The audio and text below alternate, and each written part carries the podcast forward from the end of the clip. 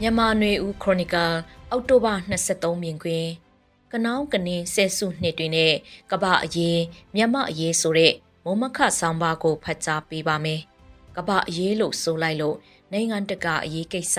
ကပအရေးကိစ္စတွေကိုလူတက်လုပ်ပြီးသုံးသပ်ဖို့ဆိုတာထက်မြန်မာနိုင်ငံရဲ့ပြဿနာတွေကြုံနေရချိန်မှာဆက်ဆက်နေတဲ့ကပအရေးနောက်ခံတဲ့နှိုင်းရှင်စဉ်းစားကြဖို့တွေးတောကြည့်မိတဲ့သဘောလေးဖြစ်ပါတယ် ကဘာတခွင်လက်တလောဖြစ်ပျက်နေတဲ့အဖြစ်ပျက်တွေလာရာလက်နက်ကင်ပြိပခစီးပွားရေးအတားအဆီးကိုကျိုးစီးပွားကာကွယ်မှုလူအခွင့်အရေးစံနှုန်းဒီမိုကရေစီစံနှုန်းလွတ်လပ်စွာထုတ်ဖော်ပြောဆိုခွင့်စံနှုန်းသတင်းလွတ်လပ်ခွင့်လူနည်းစုအခွင့်အရေးစတဲ့ liberal democracy စံနှုန်းတွေကိုအင်အားကြီးနိုင်ငံတွေကဘီခဏချထားကြပြီးအခုလက်တလောအားပြိုင်မှုမှာလူအခွင့်အရေးစံနှုန်းဒီမိုကရေစီစံနှုန်းဆိုတာထက် အကျိုးစီးပွားရလက်ပေါ်ခြေခံပြီးအလောင်းအစားပြုကြတဲ့အနေအထားမျိုးဖြစ်နေတာတွေ့ရမှာဖြစ်ပါတယ်။ကဘာမှာအမျိုးသားရေးကိုလက်ကင်ပြုပြီးနိုင်ငံသားတွေကိုစီယုံတဲ့ခေါင်းဆောင်တွေကိုကျိုးစီးပွားကာကွယ်ရေးကိုအားပေးတဲ့ခေါင်းဆောင်တွေစစ်အင်အားတိစောက်ပြီးနိုင်ငံလုံးခြုံရေးကိုခိုင်မာအောင်လုပ်မယ်ဆိုတဲ့ခေါင်းဆောင်တွေနဲ့ဒီလိုတစ်ဖက်ကစစ်အင်အားတိစောက်နေတဲ့အရာတွေကိုတံပြန်ရမယ်ဆိုတဲ့အမျိုးသားရေးဝါရီတွေ လူကြိုက်များတဲ့ကိုကျိုးစီးပွားကာကွယ်ရေးလွတ်လပ်စွာကုန်သွယ်ရေးကပရွာအယူအဆတွေကိုခဏပေးဖေထားပြီးကုန်သွယ်ရေးနဲ့ရန်ဖက်နိုင်ငံတွေကိုတန်းခတ်မယ်ပိတ်ဆို့မယ်ဆိုတဲ့ခေါင်းဆောင်တွေအယူအဆတွေကအားကောင်းလာကြတဲ့ကာလဆယ်စုနှစ်တွေထဲကြာရောက်နေတဲ့သဘောလဲတွေ့ရမှာဖြစ်ပါတယ်။အမျိုးသားလုံခြုံရေးဆိုတဲ့စကားလုံးတွေကိုအသုံးချပြီးစီယုံတာတွေလူထုကိုခြောက်လှန့်တိမ်သွင်းတာတွေလူနည်းစုရဲ့အခွင့်အရေးဆိုတာထက် လူများစုလုံခြုံရေးကပိုအရေးကြီးတယ်ဆိုတဲ့အယူဆတွေကလက်တွေ့အာဏာချိန်ခွင်ရှာညှိကြတဲ့အခါအနိုင်ရနေကြပြီးစစ်စရိတ်တွေတိုးမြင့်ကြလက်နက်တွေအလင်းမီအောင်ထုတ်လုပ်ဖို့ကြိုးစားနေကြရတဲ့ကာလထဲကြာရောက်နေတဲ့အနေအထားလည်းဖြစ်ပါတယ်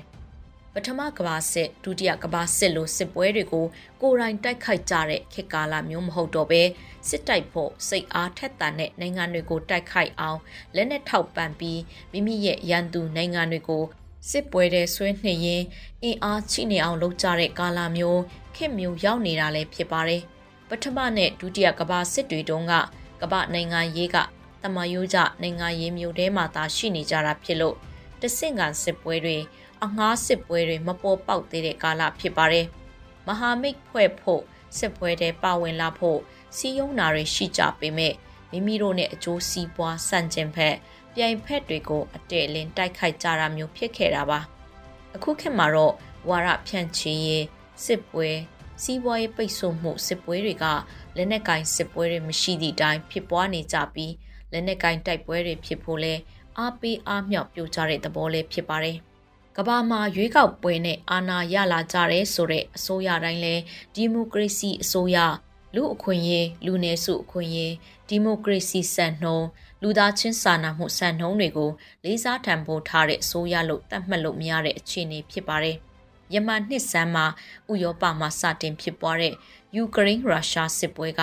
အနောက်ဥရောပဖို့ ဒီအလောင်းအစာပွဲမှာဝေမပါရင်မဖြစ်တော့အောင်ရုရှားကယူကရိန်းရဲ့ပိုင်နက်အချို့ကိုကျူးကျော်မှုထက်ပိုပြီးမှတ်ယူကာလက်နက်နဲ့ငွေကြေးအများပြားပံ့ပိုးပြီးယူကရိန်းဘက်ကနေအားပေးခဲ့ကြတာဖြစ်ပါတယ်။ရုရှားရဲ့ယူကရိန်းနိုင်ငံထဲဝင်ရောက်တိုက်ခိုက်မှုဟာနေတိုးလို့ခေါ်တဲ့အနောက်ဥရောပနဲ့အမေရိကန်ပြည်ထောင်စုတို့ရဲ့အင်အားတိုးချဲ့မှုကိုချိန်ချောက်မှုပြင်အနောက်ဥရောပဒီမိုကရေစီကိုချိန်ချောက်မှု ကွန်မြူနစ်လို့မခေါ်ဆိုနိုင်တော့ပေမဲ့ဈေးကွက်စီးပွားရေးစနစ်ကျင့်သုံးတဲ့အာဏာရှင်စနစ်တစ်ပိုင်းအင်အားကြီးနိုင်ငံကိုဝိုင်းပတ်ထိန်ချုပ်ကြရမယ့်စစ်ပွဲအဖြစ်ပုံဖော်ခဲ့ကြတာဖြစ်ပါတယ်။ဒီစစ်ပွဲတစ်နှစ်ကျော်ကြာလာချိန်မှာ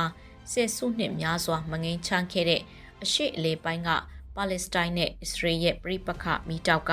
ထတောက်လာချိန်မှာကမ္ဘာနိုင်ငံအများပြားကဒီပြိပခရဲ့အကျိုးသက်ရောက်မှု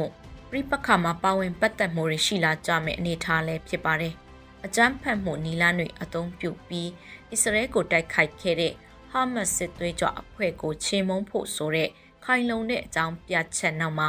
ကမ္ဘာအင်အားကြီးနိုင်ငံဖြစ်တဲ့အမေရိကန်နဲ့ဗြိတိန်တို့ကယက်တီပေးကြပြီးအရှေ့အလယ်ပိုင်းကအာရပ်နိုင်ငံတွေကပါလက်စတိုင်းပြည်သူတွေကိုအယက်သားနဲ့စစ်သွေးကြွဟာမတ်လက်နက်ကိုင်အအဖွဲ့ဝင်မခွဲခြားပဲ ဘုံကျဲတိုက်ခိုက်နေကြတာကိုစန့်ကျင်ရည်တည်ကြတဲ့စစ်ပွဲတစ်ခုကအခုမှစတင်ယုံရှိသေးတာဖြစ်ပါတယ်။ကဘာမှာဒီလိုနှစ်နေရာတဲ့စစ်မီတောက်လောင်နေတယ်ဆိုပေမဲ့စစ်ဖြစ်နိုင်ခြင်းအင်အားကြီးနိုင်ငံအချင်းချင်းကြားကြားခါစစ်ပွဲဖြစ်နိုင်ခြေတွေကအရှိအာရှဖြစ်တဲ့ထိုင်ဝမ်အရေးကိစ္စလိုတောင်တရုတ်ပင်လယ်ကကျွန်းတွေရဲ့ပိုင်ဆိုင်မှုနဲ့ပတ်သက်လို့ဖိလစ်ပိုင်နဲ့တရုတ်နိုင်ငံအရေးကိစ္စလိုမျိုးတွေလည်း အရာအဖြစ်ဖြစ်တွေဖြစ်ရှိနေကြတာတွေ့ရမှာဖြစ်ပါတယ်။ကဘာကြီးက20ရာစုနှောင်းပိုင်းနဲ့21ရာစုဝင်ရောက်စကာလတွေကလုံးကဘာကြီးဟာလစ်ဘရယ်နိုင်ငံရဲ့အယူဆဈေးကွက်စီးပွားရေးစနစ်လူအခွင့်အရေးတိုးတက်ဖွံ့ဖြိုးလာတဲ့အင်တာနက်နဲ့ကမ္ဘာရွာအယူအဆတွေဟက်စားကာစကာလာလို